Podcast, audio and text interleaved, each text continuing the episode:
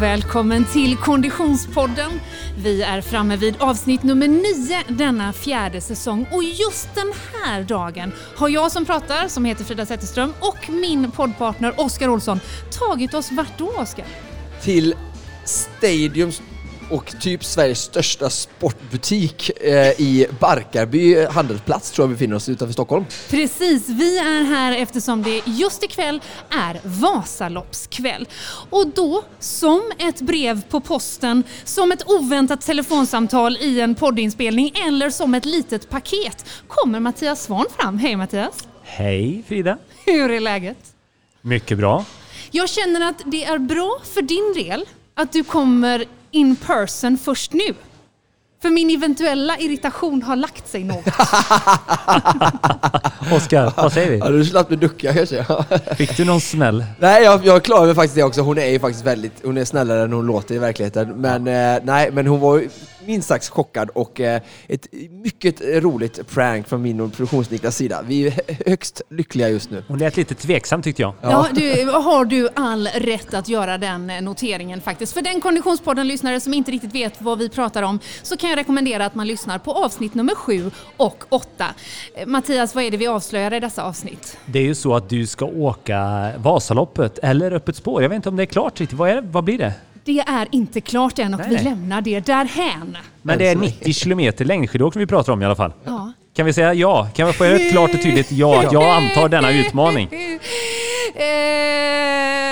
Hennes man har till och med Ja, jag med antar på- denna utmaning. Hur kommer jag i de här situationerna? Mattias, vad är det jag ger mig in på?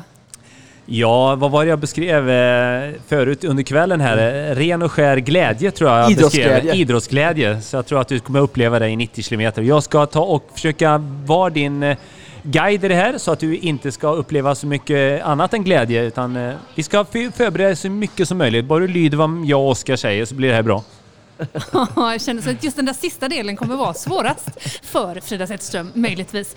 Men vi får ju med andra ord all anledning att återkomma till dig, eh, Mattias. Jag har hört rykten om att vi redan i januari ska eh, hänga.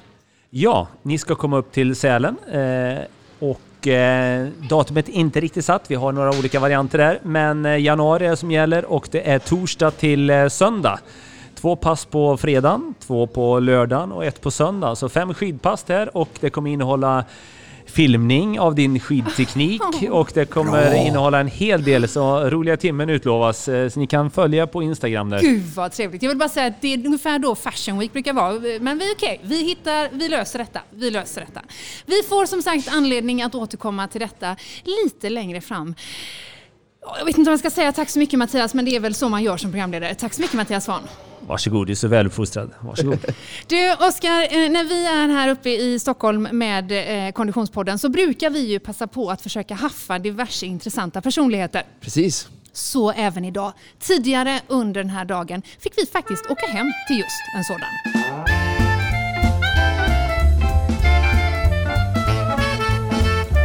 Konditionspodden har gjort ett undantag och blivit hembjudna hem till Peter Gide. Hej Peter! Hej, hur känns det? Ja, men alltså fantastiskt, tack för att vi får komma hit. Ja, varsågod. Ändå valde ni den absolut obekvämaste sittplatsen eh, i den här delen av, av världen. I svärmors soffa. Ja. Ja. Kan säga att det stör inte det minsta. Vi har utsikt eh, mot vattnet här utanför Lidingö och eh, ska få prata träning med dig Peter. ja, det är ju ett bra ställe att, att prata eh, träning på. Eftersom det är en av klassikerna som passerar här utanför mig. Precis när vi kom innanför dörren så var det första producent Niklas fråga var Du, vad, vad går starten här jämfört med vad huset är? Mm, två kilometer härifrån och sen så drar man ju något, något varv runt, eh, runt ön och så är abborrbacken åt det hållet. Det är så. På tal om klassiker, jag vet inte, Frida, eh, du har nog glömt berätta för Peter att du ska ju starta en klassiker nästa år i och med att du ska köra Vasaloppet. Så eh, du ska väl hit och springa snart också i Peters neighborhood? Tar vi det jävligt lugnt. Ska jag göra en, eh, en Nej. riktig svensk klassiker? Vad bra Frida, Nej. äntligen! För det har du Jag ju, det har du ju pratat om i alla år att du vill göra det. Ja, Ja. gulliga ni är, tog Ja. ni chansen? Ja, Vad men berätta här inte, Frida vad det är som är Ja. på gång. Jag ska åka Vasaloppet. Ja, det här har vi redan fått dokumenterat. And that's it. Där nöjer vi oss. Om vi håller oss till vad du tränar Peter. Har du sprungit Lidingöloppet? Nej, eh, det är nog... eh, Jag har åkt Vasaloppet och jag har eh, cyklat Vätternrundan. Jag tror att jag imorgon skulle klara av att simma Vansbrosimmet bara med en bra våtdräkt och lite jävlar anamma. Eh, Det har jag fått berättat för mig att det borde man fixa. Men Lidingöloppet tror jag att jag skulle få grymt svårt att kunna hantera. Jag tycker att ett, löpning är riktigt, riktigt tråkigt. Och jag vet att två, Lidingöloppet är förbannat jobbigt. Du, ni förstår varför jag tycker om honom. Ja, ja, ja. Ni har Ja. gemensamma You've got a friend in me. Men hur ser din träningsvardag ut Peter? Eh, helst så skulle jag vilja att dygnet bestod av 24 timmar paddeltennis. Det är så? Ja. Du var tidig med det.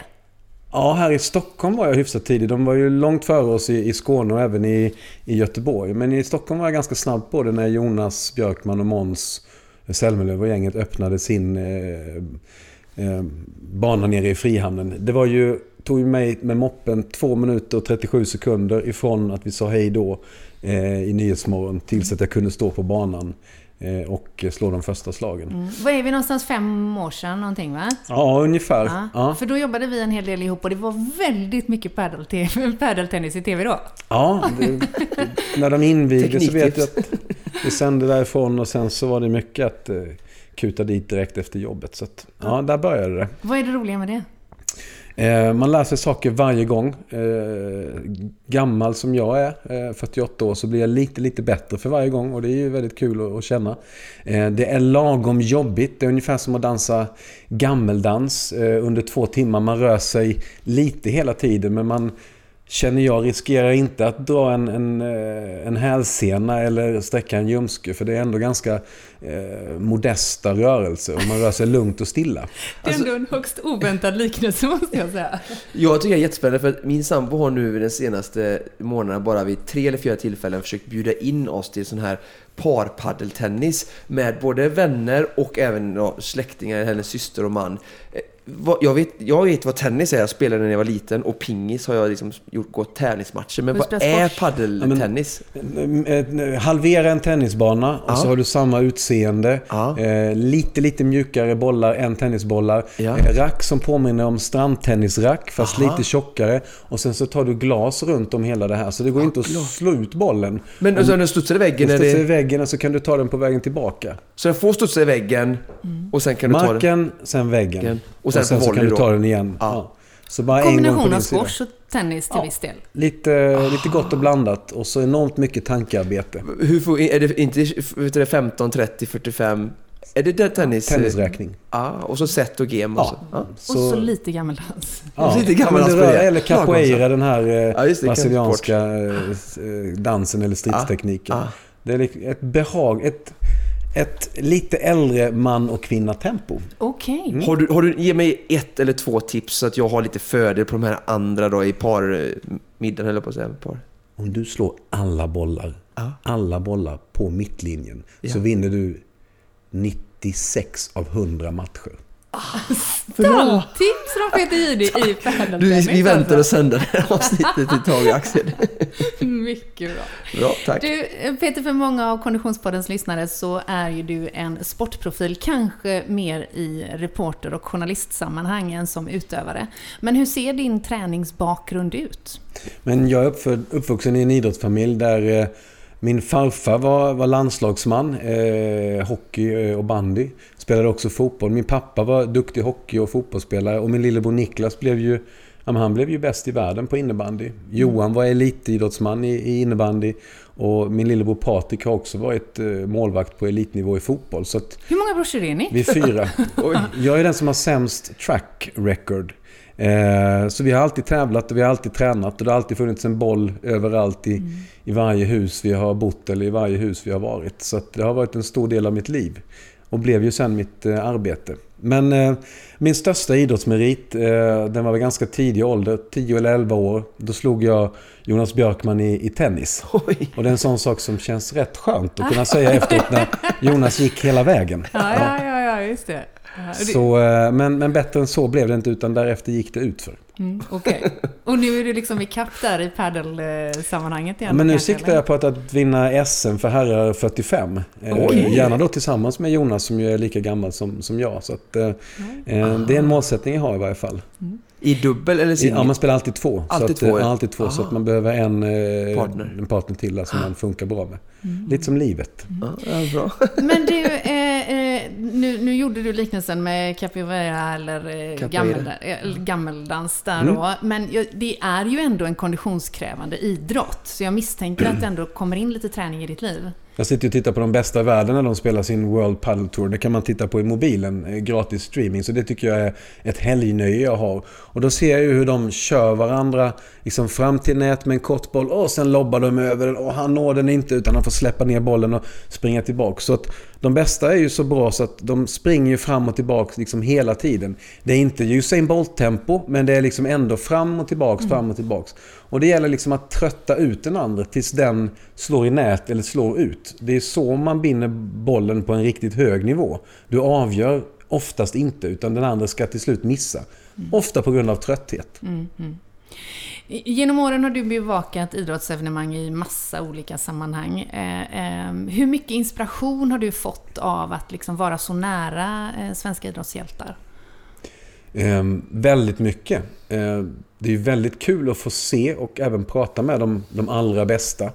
Eh, ett sånt minne för livet är ju när just Usain Bolt satte världsrekord i Berlin.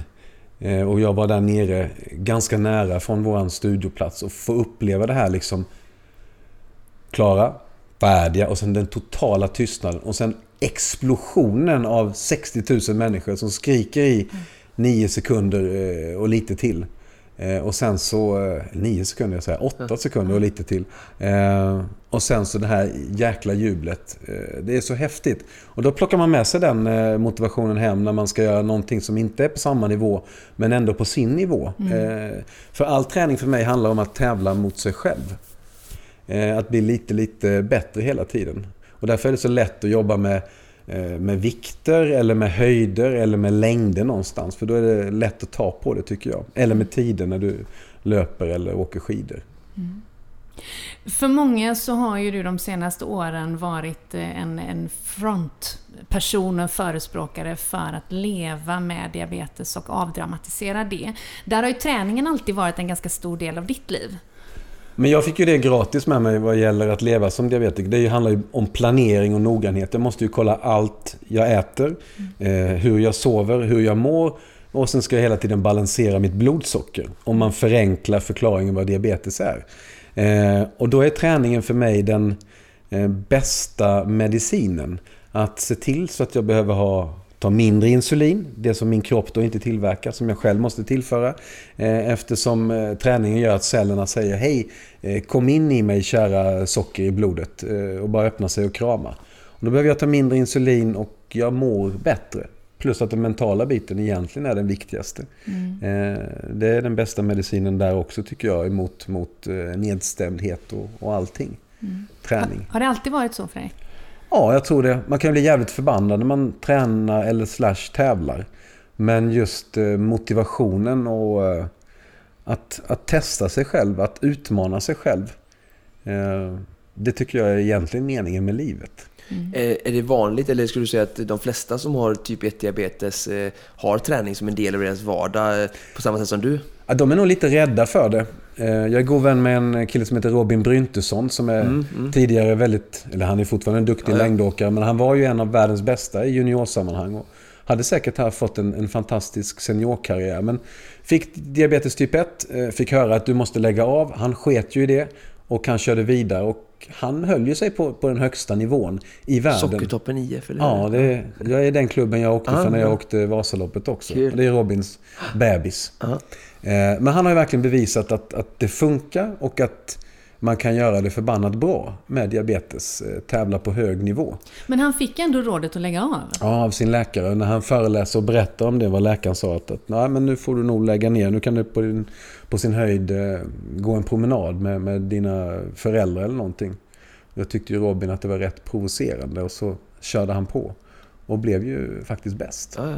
Är, det- är det den sortens besked man får? Nej men du, får, du, du måste ju hantera, alltså om jag, det är som när jag kommer hem och har spelat paddel sent på kvällen och glömmer att äta kolhydrater innan jag går och lägger mig. Då vaknar jag upp mitt i natten i en sjöblöt säng. För min kropp säger jag behöver socker. Jag får lågt blodsocker av att träna. Och då glömmer jag bort, jag som är så noggrann, eh, att ta en macka innan jag går och lägger mig för att ge kroppen lite kolhydrater slash socker. Eh, och där är ju risken med det. Att man hela tiden måste balansera upp. Eh, även för, eller framförallt för träning. Eh, och, och det gäller att inte glömma mackan innan eller efter träning före läggdags. Men jag tänker att det gäller ju att inte glömma även om du inte tränar. Alltså du måste ju balansera din kost Ja, men det är hel, hela tiden. Men i, i ännu större utsträckning när jag tränar. För då öppnar ju sig cellerna och vill ha det sockret som finns i blodet. Men det, det jag ville komma åt lite där, min fråga var att jag, jag, känner, jag känner till typ eh, ett, vad som krävs och sådär. Och att, att mer människor som inte har typ 1 skulle behöva lära sig och leva så mer med strukturerad må- målplanering och eh, fysisk aktivitet som ni säkert är bättre på om man tar den generella svensken. Om alla människor levde som, som jag gör med den strukturen som jag har i mitt liv, eh, eftersom jag måste ha den, annars så blir det för komplicerat. Ja. Och jag kan ju faktiskt dö. Eh, om alla levde så, så skulle vi få mycket färre typ 2-diabetiker. För man skulle äta bättre käk med långsammare kolhydrater och man skulle träna mer. Men vi skulle ju få eh, mindre psykisk ohälsa. Och vi skulle ju få bra mycket fler tyngdlyftare, tennisspelare, skridskoåkare och allting. Eftersom idrott är den bästa medicinen. Om vi bara ska eh, klargöra för de eventuella Konditionspodden-lyssnare som inte kan skillnaderna. Typ 1-diabetes, eh, det är när min kropp eh, har slutat producera hormonet insulin. Det som, är, det som tar sockret i eh, den mat jag äter eh, in i cellerna. Jag måste alltså tillföra det här insulinet själv via en spruta eller en pump. Alltid. Dygnet eller varje gång jag käkar eh, så måste jag kolla, okej, hur mycket insulin behöver jag till den här maten? Eh, typ 2-diabetes, som också kallas för levnadsdiabetes, åldersdiabetes eller livsstilsdiabetes. Eh, den är också genetisk, men den kan du bromsa genom att eh, leva på ett hyfsat schysst sätt. Och du behöver inte bli maratonlöpare utan det kan räcka med att du går i, i trappor och, och struntar att åka elhoj och går istället till dina möten. Men att du lever ett fysiskt schysst liv och att du eh, äter mat som är, bygger upp din kropp istället för att, att plocka ner den. Mm. Det är ju det stora hotet mot folkhälsan i världen. Det är ju en epidemi. Det är ju en halv miljard människor i världen som har typ 2-diabetes. En halv 10 procent, 450 till miljard. 500 000 i Sverige bara. Ja.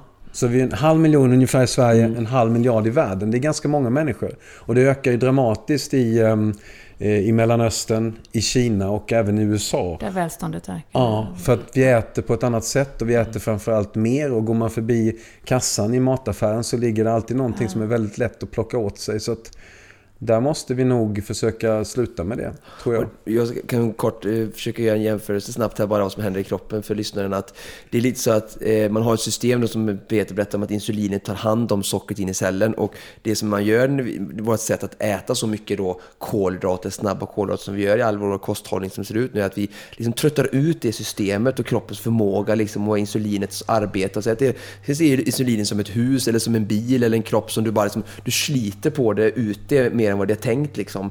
Eh, och om du gör det år ut och år in och särskilt då har anlag så Även om du har anlag så kan du gå och träna och äta normalt en hel livstid och aldrig få typ 2. Men du har, inte, men du har ändå anlagen. Men alla de som har anlag och så ändå liksom då i den här takt hur levnadsstilen ser ut så, så har ju bara som, sky eh, ökat med liksom eh, typ 2 eh, utvecklingen för hos individer. Ett ovanligt scenario att det är två så sjukdomar med samma förlopp. Ja, som med samma namn. Där ja, är ju egentligen namn. problemet. Det är egentligen två olika sjukdomar. Slutfasen blir Ja. likadan. När man haft typ 2 tillräckligt länge så måste man ju tillföra Ja. eget insulin för att man har slitit sönder det. Mm. Bra förklaring. Eh, Men initialt så är det egentligen två olika sjukdomar. Fast jag kan ändå på något sätt klumpa ihop dem eftersom så man ska tänka på samma sätt egentligen. Mm. Käka schysst, träna schysst och livet blir schysst.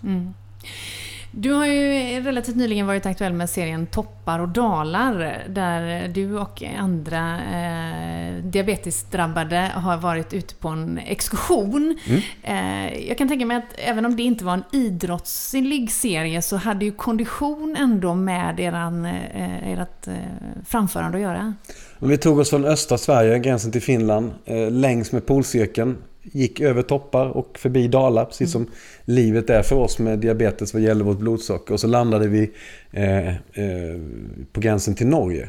Där Sverige är som vildast, vackrast och mest utmanande. Mm. Och eh, det var ju en tanke framförallt att visa att det går. Man kan göra allting eh, med diabetes. Man bör försöka göra allting för att man mår bra av den här fysiska utmaningen. Eh, men också visa att, eh, att varje dag så kan det faktiskt gå åt helvete också, vilket det gör mm. Eh, under den här serien. Det är ju ganska små marginaler att spela med när man hela tiden ska se till att balansera insulin och, och, kost, särskilt under sådana förutsättningar. Mm. Hur mycket diskuterade ni under den resans gång vad träning har för betydelse? Mycket. Vi var ju enormt olika vad gäller träning. Jag mm. tränar eh, mycket. Jordan Sörbom, eh, som är Elinor Perssons son, mm. tränar ännu mer. Eh, hela han är en studsboll. Mm. Elinor försöker träna men hon hade problem med knäna så att hon hade det, det var lurigt för henne. Att Ringa har, Ringat har börjat träna eh, mm. efter att han fick typ 2-diabetes. Men han tränar i ett lite lugnare tempo med, med mycket gång och med mycket golf och inte så mycket eh, puls. Och sen hade vi Fanny Lyckeke som också försöker träna en hel del men inte i den nivå som Jordan och jag gör. Så det var svårt att hantera det här. En, en cykeltur i en timme för mig, det, för mig är inte det fysisk träning. Så då glömde jag ju säga till resten av gruppen att efter lunch så blir vi fysiska. För jag tyckte bara att vi skulle cykla liksom, över stock och sten i en timme. Det räknas ju inte. Men för dem, eh, några av dem, så var det en fysisk utmaning. Som de måste ta höjd för med att, att minska sitt eh, insulinintag. Och då glömde jag det och då blev de låga eftersom eh, cellerna öppnade upp sig och sa kom till mig socker.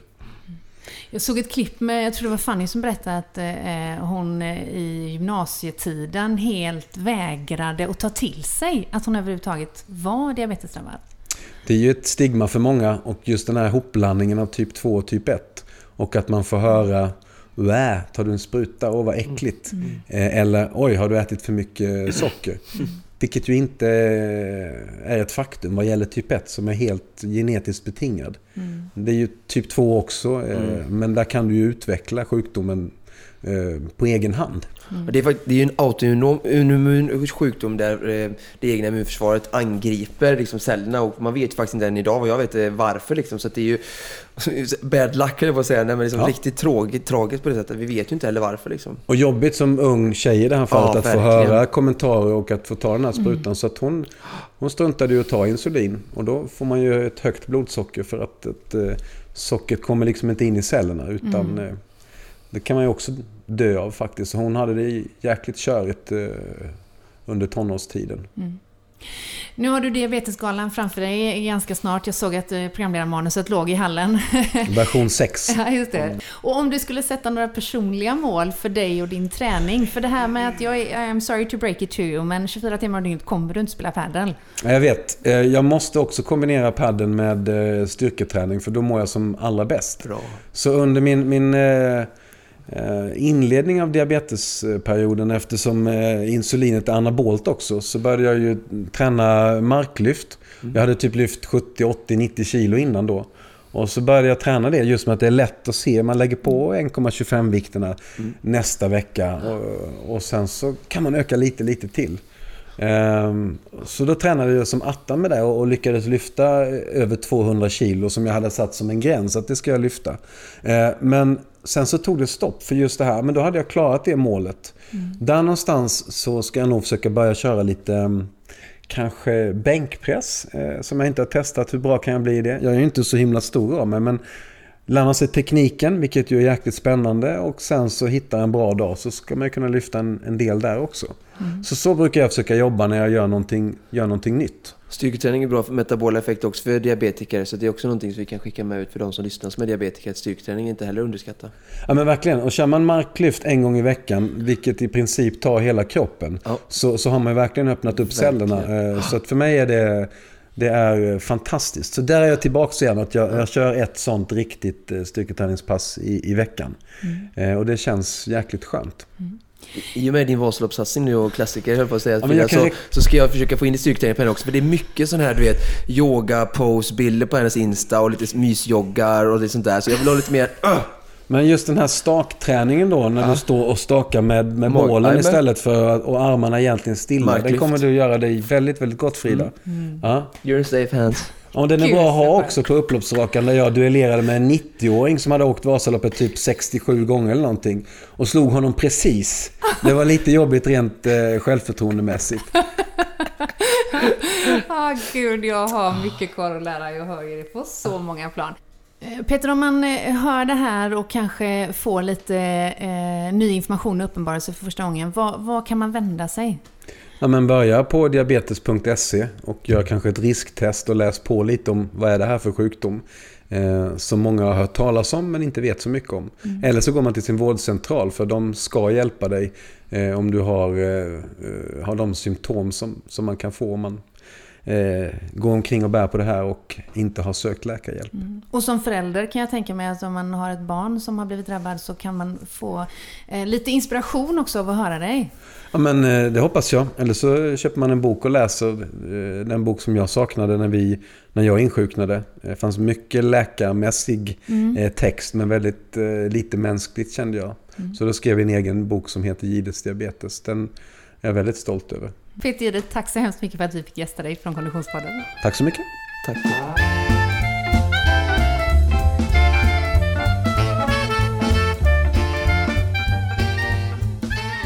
Det är en inspirerande person, Oskar. du.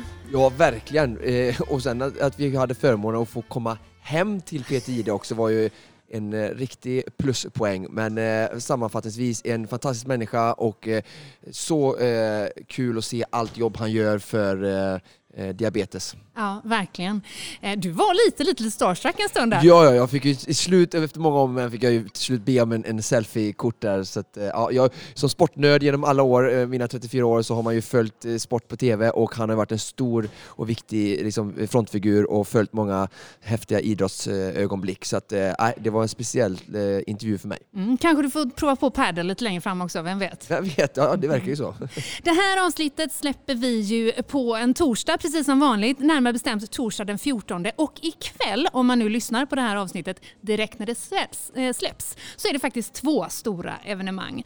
För eh, vi befinner oss nu när vi spelar in på en Vasaloppkväll i Stockholm. Men torsdag den 14, då är det Vasaloppskväll i Stadiumbutiken i Sisjön, hemma i Göteborg alltså. Ja, och då chans att återigen få träffa alla de här eh, leverantörerna som har massa utrustning men framförallt kunskap skulle jag säga att de har förmedlat till eh, konsumenter och eh, så som Frida, nervösa förstagångs eh, eh, Vasaloppsåkare. Mm. Så hör man det här i tid, torsdag den 14 alltså, ta dig till Stadiumbutiken i Sisjön. Mellan klockan 17 och 20 är det Vasaloppskväll där. Och senare samma kväll, Hem i soffan precis, slå på TVn, för då är han där igen, Peter Jihde, som programledare för Diabetesgalan.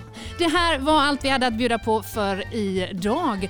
Tack för att du lyssnade. Precis som vanligt produceras Konditionspodden av Fredag. Connect Brands with People.